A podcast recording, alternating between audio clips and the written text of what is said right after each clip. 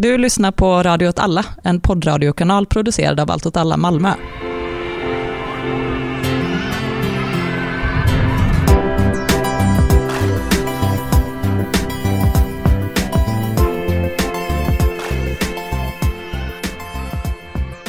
Du lyssnar på Radio åt alla. Eh, idag så ska vi prata om eh, de senaste nyheterna kring hur kroglivet ser ut på Möllevången och hur arbetsplatserna som dessa krogar innebär eh, fungerar. För det är, det är ingen ny nyhet att eh, det är fruktansvärda arbetsförhållanden för de som jobbar som servitörer, diskare, kökspersonal på dessa ställena. Men eh, eftersom att eh, det har blivit hett igen att diskutera det så tänkte vi att vi borde göra ett avsnitt om det. Så därför sitter jag här tillsammans med Daria och vem är du? Ja men hej. Um, ja, jag är en Malmöbo. Uh, jag är också serietecknare. Uh, och um, jag har skrivit en serieroman mm. som handlar just uh, om dessa ställen. Eller specifikt så handlar just min bok om Curry Hut, Indian Curry Hut. Mm. Som Där, alltså ligger på Bergsgatan. Exakt, så precis runt hörnet.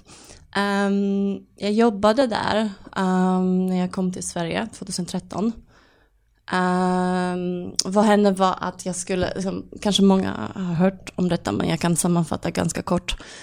Uh, när jag kom till Sverige uh, så försökte, jag behövde jobb. Mm. fick reda på att jag behöver personnummer för att få jobb. Mm. Men sen uh, visade sig det att jag behöver jobb för att få personnummer.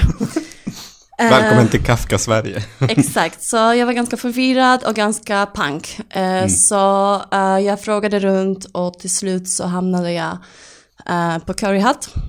Gick in, frågade om de behövde hjälp. De, de sa att jag får börja dagen efter och där började jag jobba. Um, efter ett tag upptäckte jag att inte bara att jag tjänade 50 kronor i timmen, mm. men också att de som kommer från Bangladesh och Pakistan tjänade typ 40. Mm. Uh, och en svensk tjej 60. Mm.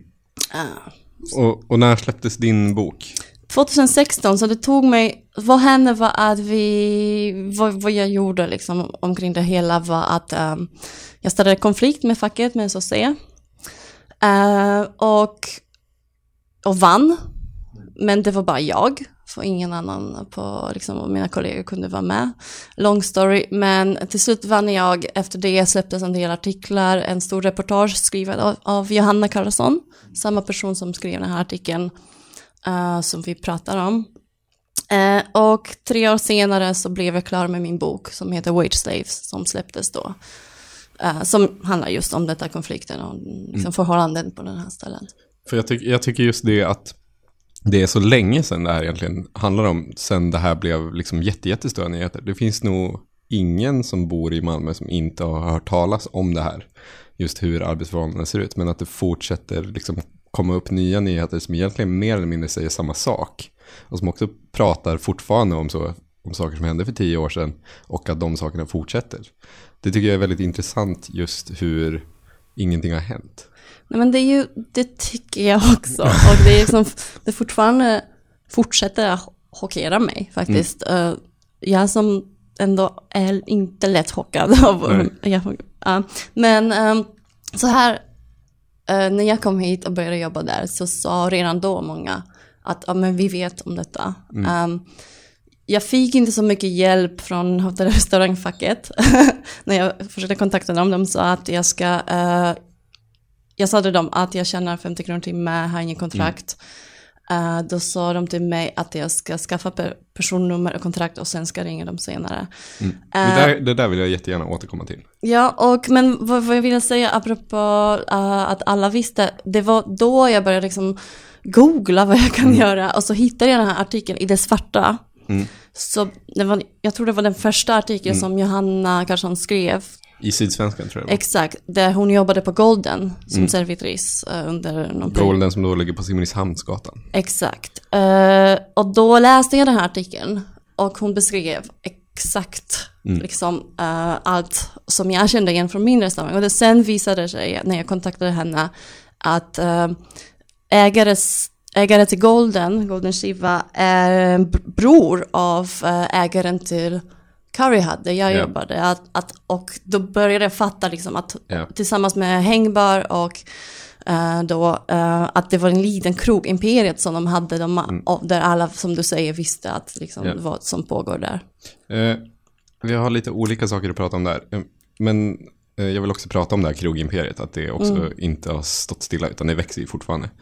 Men just det här med facket tycker jag också är väldigt intressant, just hur rigida de etablerade LO-facken är kring just sådana här konflikter. Att, för ni hade inte kollektivavtal på er restaurang va? Ja men det är grejen. Eller hade ni det? Alltså, så här. Jag ska inte gå in på detaljer, men varför jag kunde få uh, några pengar åtminstone. Ja. Uh, alltså, vi har inte den lägsta lagstiftade lönen eh, i, i Sverige, så det är i stort sett liksom, det är lagligt att betala 20 eller 30 eller 50 kronor. Det, det är en annan diskussion. Eh, men företaget liksom, hade faktiskt ett kollektivavtal. Och då kunde vi med Malmö LS hävda att, att de har inte betalat den här sin Ja. kollektivavtal, lönen, och då fick jag pengar tillbaka. Och då hade företaget kollektivavtal med just hotell och restaurang. Ja. Eh, ja, och då, det är då jag inte fattar varför inte LO har ett intresse av att gå in i det och försvara sina kollektivavtal. Jag, jag har aldrig förstått varför Alltså, de har du- en sån aversion kring sånt. Det här är en bra fråga. Och jag tänker så, om jag var en strateg Ja. på en sån fackförening, eh, med tanke vad händer nu är faktiskt att ganska många eh, migranter som har varit utnyttjade, jättemånga har börjat vilja organisera sig. Och jag är aktiv nu på Malmö S och jag ser det hela tiden, alltså det trillar in folk hela tiden som blir avvisade av andra fack. Um, och om jag var som sagt en strateg så jag tänkte det finns en stor, även om man bryr sig inte om invandrare, men bara för de här fackföreningarna som tappar medlemmar och klagar på liksom att, att de håller på att gå under. Det skulle vara en superbra grej för dem PR-mässigt och liksom pengarmässigt att bara ta hand om det. Men problemet här är att uh, eller åtminstone hur jag förstår det, att många av de här fackföreningar, de bara vet inte hur man gör. Och de är rädda för det, för det är en stor jävla Pandoras ask. Man måste jobba på andra sätt, man måste engagera sig. Det, det, liksom, det är inte bara det här som... Alltså, de är vana att liksom lösa problem på arbetsplatser. Det finns mycket trygghet, där alla nästan har liksom tills vidare. Eh, alltså kanske inte hotell och restaurang, men du fattar vad jag menar. Liksom, De är inte vana till, den här typen av exploaterande. Den här typen av exploaterande kräver ganska starka åtgärder och ganska radikalt och bestämt sätt arbeta. Och det är de inte beredda för. De är rädda för det, så de bara pushar från sig allt sånt. Det är liksom åtminstone min erfarenhet av, eh, av det som jag har upplevt eh, i kontakt med de här fackföreningarna. De vill inte ens röra vid det, för då Nej. kommer det börja stinka. Ja, men det, det finns också en intressant aspekt av det som är att de väldigt ofta och gärna pratar om lönedumpning. Jag minns väldigt specifikt när vi eh, hade en mötesplats för hemlösa immigranter uppe på Sonnefri. Och många av dem hade problem på sin byggarbetsplats, men de jobbade ju svart ju. Och då var Byggnads där och snackade med dem och de var väldigt sympatiska liksom, men de var fortfarande så, fast vi kan inte röra det här för de här människorna jobbar svart. Och då, det blir så konstigt just för att, men då då blir ni liksom okej med just den lönedumpning som ni säger att de här människorna, alltså det blir ett cirkelresonemang istället för att se till så att folk inte jobbar svart. Ja, ja, gud, alltså det är ändå liksom så här. Allt är superfyrkantigt, det är liksom det jag sa. Man, man vill inte röra vid det, man vill inte se utanför boxen, se liksom hur arbetsmarknaden har förändrats och vad krävs för att liksom fixa de här problemen. Och då som du säger, eh, man bara vill inte snacka med de som jobbar svart, man vill inte hjäl- hjälpa migranter, man bryr sig inte. Eh, men i det här fallet, om jag får återkomma till uh, Hatt och att har faktiskt ett kollektivavtal. Ehm, här, liksom, här är ingenting egentligen ens konstigt. Liksom, de har kollektivavtal, kollektivavtal kan sägas upp. Och problemet här är att liksom jag, en del vad jag har gjort efter boken, jag har typ under alla dessa år liksom debatterat med alla dessa, dessa fackliga människor, skrivit artiklar, bla bla bla. Och jag ville bara liksom, okej, vi måste börja snacka om det. Och jag attackerar dem inte ens, men de alltid går i försvar. För om de skulle behöva, om de skulle, ge, alltså, om de skulle erkänna att det är ett problem och det behövs åtgärder, så någonting skulle behövas göra, men det vill de inte. Och då har de olika förklaringsmodeller varför. Men återigen, um, stället har figurerat och fortfarande figurerar på schyssta villkorlistan. Eh, fackföreningen skulle kunna kliva in där och säga upp avtalet eller kolla upp eller lämna information för anställda, vad som helst, eller åtminstone uttala sig i det här. Men man vill inte fortfarande. Nej. Och det Vad, vad beror det på? Jag fatt- men precis jag det, fattar vad jag inte. sa. Liksom, Ja. Att det är så fyrkantigt, man är så himla... Alltså förlåt, men fackföreningar är ju förlammade. De gör ingenting som krävs lite mer än det som man alltid gjort. Uh, och då, alltså man skyller på liksom, vi har inga resurser och vi har inte dit och datt och bla bla bla. Men det är jättesynd, men vi är jätteemot det, men sen så gör man ingenting. Nej. Den anledningen till att man är, har så lite resurser är också för att man mer eller mindre gett upp de senaste 40 åren. Liksom. Ja, för Jenny sa ju, eh, när jag diskuterade med henne, ah, nej men det skulle vara jättedåligt om man sa upp kollektivavtalet där. Så vad vill du? Jag var typ, okej, någonting. Eh, du kan inte väl hålla med mig att det är, liksom, att det är, jätte, att det är bra att de här kollektiven, alltså att de här företagen är på den här listan. Ehm, så jag vet inte, varför ska inte de inte göra en svart lista då? Av företagen som inte följer kollektivavtal. även om mer de rimligt. det. Men- Men, ja, de men vill inte. Allt är omöjligt. Jo, verkligen. Men för att återgå till det här lilla krogimperiet. Eh, de har ju liksom inte saktat ner de senaste tio åren. Det är ju snarare så att de har ju växt ganska dramatiskt. Alltså varje litet ställe som stänger ner på Mällan, vilket är rätt många ändå, köper, köper ju, upp det. köper ju de upp. Eh, och det gör de ju på grund av att de tjänar ju jätte, jättemycket pengar för de betalar typ ingen lön. Ja, um, jag, jag har framför mig en dom faktiskt. Uh, för uh, Sanad, uh, min före detta chef, har faktiskt blivit dömd för skattefusk. Uh, och här i den här domen, som jag antar liksom att det är bara ett eller två år som, som de tittar på, Skatteverket tittar på. Här pratar vi om flera miljoner av pengar eh, som han fuskat i skatten. Och det tänker jag är bråkdel, för Skatteverket har inte så bra verktyg heller för att hitta allt. Ehm, och det är bara ett eller två år. Eh, tänk dig skattefusk under alla dessa år på alla dessa ställen, hur många miljoner det är. Och det, in, in, det innefattar inte ens alla de här pengarna som man tjänar på att anställa folk, eh, eller anställa, eh, att folk jobbar svart. Eh, om, om jag kan vara liksom lite transparent med siffror, så bara för kanske fem månaders arbete, skillnad mellan det vad de betalade mig och det vad de borde betalt, det var typ 50 000. Det var världens kortaste förhandling. Vi gick in i rummet, eh, Hans Annat kom i kämpa Malmö-tröja. Det, det är också jävligt konstigt. Frågade oss vad vi ska göra på första maj. Facket, vilket bra initiativ, kan jag få vara med? Han tog inte med sig, eh, du vet, advokaten, han tog med sig den här eh, krustaren som jobbade Ja, på hängbar. Just det.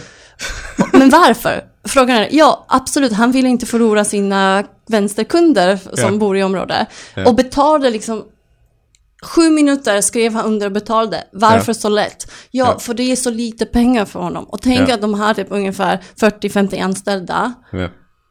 Uh, tjänar typ 200 000 Ja. per år för varje person. Alltså Mm. det är så stora pengar vi pratar om. Och så, så öppnar de nya ställen, som du säger. De eh, har öppnat källan, Mm. eh, tagit över Bell. Mm. Eh, och för några år sedan det var det här med Folkets bar. I, Japp. i, Ett riktigt misslyckat litet försök. Ja, det var Dr. Feelgood, en Ja, ja. sleaze rock Fruktansvärt. eh, ställe först. ja, det, så, så det är de det liksom- som var gamla Debaser som nu är någon så lekgrej för barn i Folkets Park. Ja, och en rolig grej om den här domen, för jag, liksom, jag brukar bråka väldigt mycket om det här med varför kan man inte utföra en näringsförbud eller serveringstill, dra tillbaka serveringstillstånd som faktiskt Malmö stad skulle kunna göra. Uh, för um, om jag hoppar till, hoppar till uh, liksom lokala politiker här direkt, så hon är Katrin Stjernfeldt Jamme, eller jag vet inte hur man Jo, Jamme. exakt så. Ja, mm. Okej, så hon var aktiv i debatten. Hon skrev också en uh, insändare till Expressen för några dagar sedan där hon beklagade. det har jag helt missat. Ja, alltså hon var typ, oh my, ja, herregud, det här är fruktansvärt, vi gör vad vi kan. Mm. Ehm, och det, här, det roliga här är att först så Malmö stad, och det var under hennes tid som kommunalråd, Mm. eh, skrivit under kontrakt med Sanad Mm. eh, för lokaler i Folkets park. Ja. Eh, som de visste exakt liksom, v- vem de hade att göra med. Ja. Så nu försöker de liksom, eh, etablera sig på den här frågan, skaffa liksom, Mm. vi, är, vi är emot detta, samtidigt som de visste om Ja. det väldigt länge. Eh, de har inte gjort någonting för att dra, der, dra tillbaka deras serveringstillstånd som Malmö stad kan Malmö stad har, det är de enda som har kontroll över det. Ja, de, kan, de har sin Mm. eh, vad heter tillståndsenhet Ja. eh, och de kan dra tillbaka det. Det gör man för, liksom, för små grejer som typ ljudnivåer och sånt. Ja. Kan man inte göra för människoexploatering om man vet om det. Ja, jo. Jag har ju faktiskt en gång googlat på källan att de hade en råtta som hängde i deras lokal. men inte ens då. Och det var Sanat, men du sa inte det. Nej, men det, det som hände var att jag gick förbi mitt i natten för att jag hade varit på gymmet och så sitter det en råtta på bordet och tittar ut från fönstret på mig. Eh, men apropå det här, liksom, mm, det här domen. eh, så apropå det här med näringsförbud, varför det är så svårt att stänga ner sådana ställen. Mm. Eh, Så i den här domen så fastställde man, ja visst, han, han har fått fyra månaders villkorlig dom för uh, samhällstjänst. Och man uh, fastställde att han har fuskat med skatt, men samtidigt så, cit- citat, uh, domen säger att det saknas särskild anledning att anta att han, Sanat, kommer göra sig skyldig till fortsatt, fortsatt brottslighet. Mm. Eh, och det är därför han fick fyra månader, inte sex, eh, som gör att man kan faktiskt inte eh, få näringsförbud. Och det är liksom, och det, är inte, det anses inte vara en grov brott. Och här också samma fråga liksom. Vad då inte saknas särskild anledning att anta han kommer inte göra sig skyldig till fortsatt brottslighet. Alla vet han kommer Ja. göra det. Ja. Om man bara tittar liksom på vad vi har liksom avslöjat och allt annat som händer. Eh, så ja, så det är väldigt intressant som, som du sa, liksom fack, fackföreningen eh, vill inte göra något, skyller på lagar. Uh, Malmö stad skyller på, jag vet inte vem. Också lagar, kunder kanske. Mm. Ehm, så alla skyller på andra och då, då görs det inget. Nej. Men vad, ja, vad hade Malmö stad mer kunnat göra mer än att eh, dra in uh, serveringstillstånd? Hyr de av MKB? Alltså jag, vet, jag, jag hörde det, men sen så någon sa att det var inte, det var Ja. hemstaden, jag vet Ja. inte. Jag har faktiskt, nu var det liksom, det var lite för mycket. Ja. Och jag blev bombad också, jag blev bombad i flera år, men nu extremt mycket mer att alla frågar mig vilka ställen handlar det om. Ja, såklart. det har florerat ett antal listor. Ja, jag har liksom, så här, jag, jag kanske kan säga någonting om det. Eh, jag brukar skoja att, jag, folk ser mig som någon slags white guide. Och när jag menar white guide, Mm. Ja. jag inte white den, guide, den men jag menar... omvända Michelin-tidningen liksom. för, för, liksom för vita, eh, för alla vill gå på krogar och känna sig bra. Ja. Och jag fattar grejen, jag vill också det. Mm. Eh, och när någon frågar mig så brukar jag säga vilka ställen det handlar om. Mm. De jag vet om. Men jag har varit ganska så allergisk, eller inte allergisk, eller försiktigt med, jag vet inte, uppmana till bojkott. Mm. Eh, och det vill ju alla hela tiden, att jag ska uppmana till bojkott och varför du gör inte det, bla bla bla. Mm. Eh, och varför jag var så försiktig med det, för när boken släpptes, eh, så all mediauppmärksamhet uh, byggdes på en premiss. Eh, alltså de, de hade, det fanns en narrativ, ett, ett, som Ja. handlade om här i, Malm, i kärnan av Malmö, eh, unga alternativa människor eh, festar och dricker billigt öl medan de här slavarna eh, Ja. diskar och tillagar mat till dem. Eh, så man byggde någon slags eh, konflikt mellan vita unga svenskar Mm. Versus fattiga utnyttjade migrantarbetare. Ja. Eh, och jag är väldigt försiktig för för mig den här konflikten handlar inte om det. Nej. Det handlar om jättedåliga chefer, Ja. ehm, myndigheter som gör inget eh, och egentligen kapitalismen. Eh, och att förflytta fokus till någon slags, göra någon slags moralisk fråga om, Mm. eh, liksom är du en god människa som går dit? Alltså det är liksom så jävla meningslöst. Ja. Att du går inte dit och så, okej, okay, de har inte lite mindre pengar, men det ändrar ju inte så mycket. Nej. Eh, sådana bojkott när de inte riktade, när de hände i en samband med någon kanske konkret händelse eller en kampanj eller, en, eller en konflikt. ehm, skapar mer faktiskt, alltså det blir inget bra. Nej. Och så menar jag typ inte alls att bojkott är liksom är dåligt. Eh, jag tycker det kan vara jättebra verktyg. Men eh, nu redan nu när de här listorna cirkulerar och folk bara men, eh, men de här två ställen är faktiskt okej. Och nu börjar folk bråka om det. Ja. Det blir direkt en jättekonstig situation. Eh. Ja, och det börjar bli typ, eh, liksom, vem är liksom, vem är woke nog? Vi, Ja. Vem går till vilka ställen, vilka ställen Ja. på listan? Och för Ja. mig, liksom, det handlar inte om detta. Så, Nej. så jag kan gärna berätta vilka ställen det är, men det är inte liksom det viktigaste för mig. Och jag har varit Nej. försiktig från början att inte förflytta fokuset från liksom, individuell ansvar till mer till liksom, okej, låt oss titta på vad som egentligen händer och vad det beror på. Men, eh, Ja, min, alltså min spaning är liksom när folk frågar mig bara eh, vad ska vi göra, vilket ställe man ska gå, typ. Jag bara 2020, Ja. eh, vad ska vara inne? Bjud folk hem. ja, hemmafesten borde liksom göra en Ja, comeback liksom, på grund av det här. Bjud på middag, eh, bjud på öl, gå och besök folk hemma. Nej, alltså jag skojar, men ja, egentligen. Det är egentligen ganska rimligt. För jag har också varit i restaurangvärlden, den är ju fruktansvärd på alla plan. Liksom. Det finns ju ingenstans där det är rimligt egentligen. Även de ställena som är liksom helt enligt reglementena. Nej, om någon skit, skulle liksom. öppna en kooperativ, en vänsterkooperativ, eh, så skulle det börja liksom eh, uppstå missförhållanden där också. Eh, Jag vet inte, det är bara det. det. Ja. Det det är ju, inte det som jag fokuserar på mest här, men ja. det finns ju någonting i service i sig som är lite smutsigt. Att det, att det är av, av liksom hela strukturen kring hur en restaurang fungerar och Jag är vem den är inte till för. Jag är inte så förtjust i dem längre, men det fanns det här Pro Info, uh, Mm. Del of Crime Thing, och de har publicerat någonting som heter Abolish Restaurants. Just det, det var, den läste jag när jag var 16. Och ja, precis, jag också. Den var och, fet. och liksom, det är en av de här få grejerna som jag tycker fortfarande är aktuella från, Ja. från deras liksom, eh, publicering. Uh, för fan. Att Laga restauranger din är egen mat. Ja, jo verkligen. Eh, Nej, men jag vet inte. Ska vi prata lite om liksom, gig-ekonomin? För jag tycker att den Yay! lite hänger ihop med det här. För att det lite handlar om samma liksom, arbetskraft, lite samma liksom, yrkesgrupper. Eh, och lite i att förhållandena är liksom, så extremt luddiga och oformulerade. Och att det handlar om väldigt grova fall av exploatering. Mm. Men vad, vad kan man säga om den? Vi har, vi har ju haft Gigwatch på besök på den också. Men Mm. Vad kan man säga om gigekonomin i Malmö specifikt? Ja, men vi ser ju de alla um, cykelbullen från Mm. olika företag.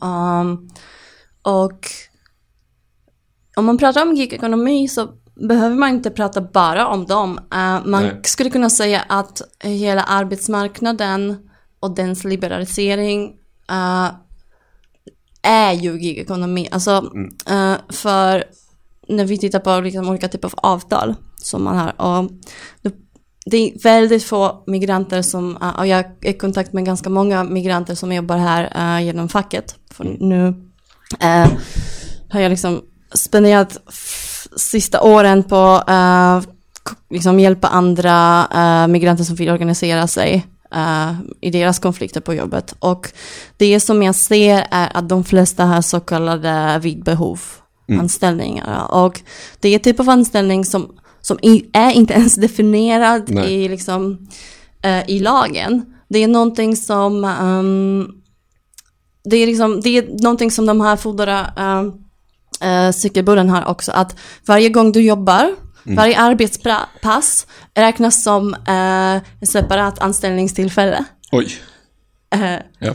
och som sagt, vi har typ bara allmän visstid och vi har tills vidare. Vi har ingenting däremellan. Vi har vikariat också. Eh, men det här timmar, det finns inte. Nej. Men eftersom eh, det är avtal som liksom står ovanför allt eh, och det viktigaste och ska gälla alltid. Om du liksom avtalar jättedåliga arbetsvillkor så, så liksom måste du eh, i de flesta fall eh, ta det. Det är ditt ansvar. Ja. Så skriver man sådana dåliga kontrakt som så garanterar ingenting, ger inga rättigheter Eh, och jättemånga migranter utsätts för det. Och det är liksom det är kärnan i gigekonomin. Är att arbetsgivare tar absolut inga ansvar. Eh, kan inte lova dig någonting. Eh, men kan kalla in dig när, när de behöver det. Mm. Eh, så det är ett stort problem. Och det gör också att eftersom ehm, du har inga timmar som du blir lovad. Så, så fort du börjar säga emot Mm. så slutar de boka dig. Ja. Eh, och det finns ingenting att göra då. Eh, och då blir det jättesvårt i sådana fall när, när jag representerar olika migrantarbetare eh, i Malmö. I olika förhandlingar med deras chefer. Det är jättesvårt att göra någonting. ja. För de har inte fått sparken. Nej, de har inte fått sparken, de, har slut, de behövs inte längre helt Ja. enkelt. Och eh, när det gäller att kanske bevisa att det är någon slags föreningsrättskränkning, att liksom de Mm. har hört av sig till facket och då eh, blev de sparkade. Nej, det, de blev inte sparkade, så det går inte att bevisa. Och eh, liksom cirkeln Ja. eh, är sluten här. Och, ehm, och då finns det inget mer att göra. Nej. Och nu inskränktes strejkrätten också, så Ja. eh, i alla situationer där, jag vet inte, det är inte att, syftet är inte att teckna kollektivavtal, kan vi inte ens liksom blockera en sån restaurang eller företag. Vi kan Nej. inte eh, göra några aktioner eller åtgärder längre, för det är olagligt nu. Så, så här har vi typ ett system som gör att man kan inte organisera sig fackligt, man kan inte agera, man kan inte använda sig av sina rättigheter. Men nej, vi har så många rättigheter, liksom säger Ja. alla. Ja. Det är stark arbetsrätt i Sverige. Ja. Men så fort de inte följs så finns det inget sätt att... liksom, nej, och det är därför också att de här fackföreningarna vill inte, rö- alltså, vill inte röra vid det. Nej. För de vet att liksom, vi kan inte göra någonting här, Ja. så vi inte, alltså, men man skulle kunna göra. Alltså, även om man kan inte göra någonting rättsligt, så man kan eh, göra en politisk kampanj, man kan uh, höra av sig till media. Det, det kräver lite kreativitet. Det är ju inte någonting som sossegubbarna på LO-borgen har. Nej, Eh, precis. Eh, Men eh, om vi då har en situation där det inte finns någonting att göra för alla juridiska och fackliga medel för att göra någonting har mer eller mindre avskaffats. Vad, vad är då liksom alternativet? Vad är det som behöver göras för att kunna se till så att det här inte kan fortsätta hända? Ja, alltså det är ju en bra fråga. Jag, ehm, jag vet att jag lät väl, låter väldigt negativ när jag pratar om fackföreningar. Mm. Men det alltså inte just fackföreningar ehm, som, som jag är emot. Jag tänker att mer att de har förstelnats och byråkrat, byråkratiserats. Och det, det är just det här problemet som du säger, att man kan inte göra någonting. Det är ehm, så här att det är fackföreningar som ska sköta eh, den delen, liksom hur anställda har det på arbetsplatser. Det finns ingen annan myndighet som kontrollerar detta i Sverige. Eh, det, ska, det, ska, det ska arbetarna Ja. ta hand om. Samtidigt som, som man har det här systemet, man säger det är bra. I teori, jag håller med, det är bra att arbetarna ska ha den här möjligheten och organisationer som företräder dem. Men vad man gjorde är att man liksom ändrade lagstiftningen så det går inte, alltså som fackföreningar och arbetarna kan inte göra någonting längre, eh, oftast. Eh, och nu uppstår en lucka, ingen kan nå åt problemen och här måste vi fundera liksom, vad, vad att göra nu. Eh, för de här problemen är grova, de uppmärksammas, uppmärksammas eh, de eh, breder ut sig. Det handlar inte om migranter, de här bemanningsanställda, det handlar om alla Ja. som jobbar inom serviceyrken, alla de här prekara. Och det här problem, problemet kommer växa och missnöjet kommer växa. Och här tänker jag, vi som är med i olika rörelser, om man kan säga så, eller vill bygga olika rörelser, här kan vi kliva in. Eh, och inte tänka fyrkantigt. Mm. Och tänka utanför boxen och vara lite kreativa och tänka att vi måste organisera oss på något sätt. Och det behöver vi då inte alltid följa la- lagen heller. Eh, fan, vi kan blockera ett ställe. Mm. Även om fackföreningen kan inte göra det. Ja. Why not? Eh, man skulle kunna liksom prata två timmar till vilka eh, olika grejer vi skulle kunna göra, vilka idéer vi skulle kunna ha. Men vi har inte den här tiden. Nej. Men det finns jättemycket man kan göra. Och jag tänker det är ganska positivt att vi kan ehm, titta på det. och också organiseras på jobbet. Jag vet att jag tjatar om det hela tiden. Eh, och se också de här problemen som en del av vår kamp. Eh, jag vet inte, alltså jag som har varit politiskt aktiv sedan jag var typ 14, alltså det är bara när jag var typ mot 30, liksom när jag flyttade hit, eh, när jag var 20, 25, 26, eh, jag började tänka på att man kan organisera sig på jobbet. Alltså jag, du vet, jag läste all liksom, möjlig vänsterlitteratur, älskade uh, läsa om inbördeskriget och syndikalister i, i Spanien, eh, läste kritisk teori, men det liksom aldrig slog mig det, att jag kan faktiskt föra kampen om bättre Ja. livet där jag spenderar hälften av mitt liv på Ja. jobbet. Ja, Alltså det bara, det, it didn't cross my mind. ja, Eh, och om vi liksom, självklart vi vill inte jobba nej, hela tiden. Liksom, eh, det är inte så liksom, sexigt kamp. men, eh, men om vi överlämnar det Mm. så, eh, så görs det inget. Och jag här tänker för oss är det liksom både viktigt för att kunna liksom få någon slags förändring och, bod- och strategisk att ja, börja agera på den här eh, arenan också.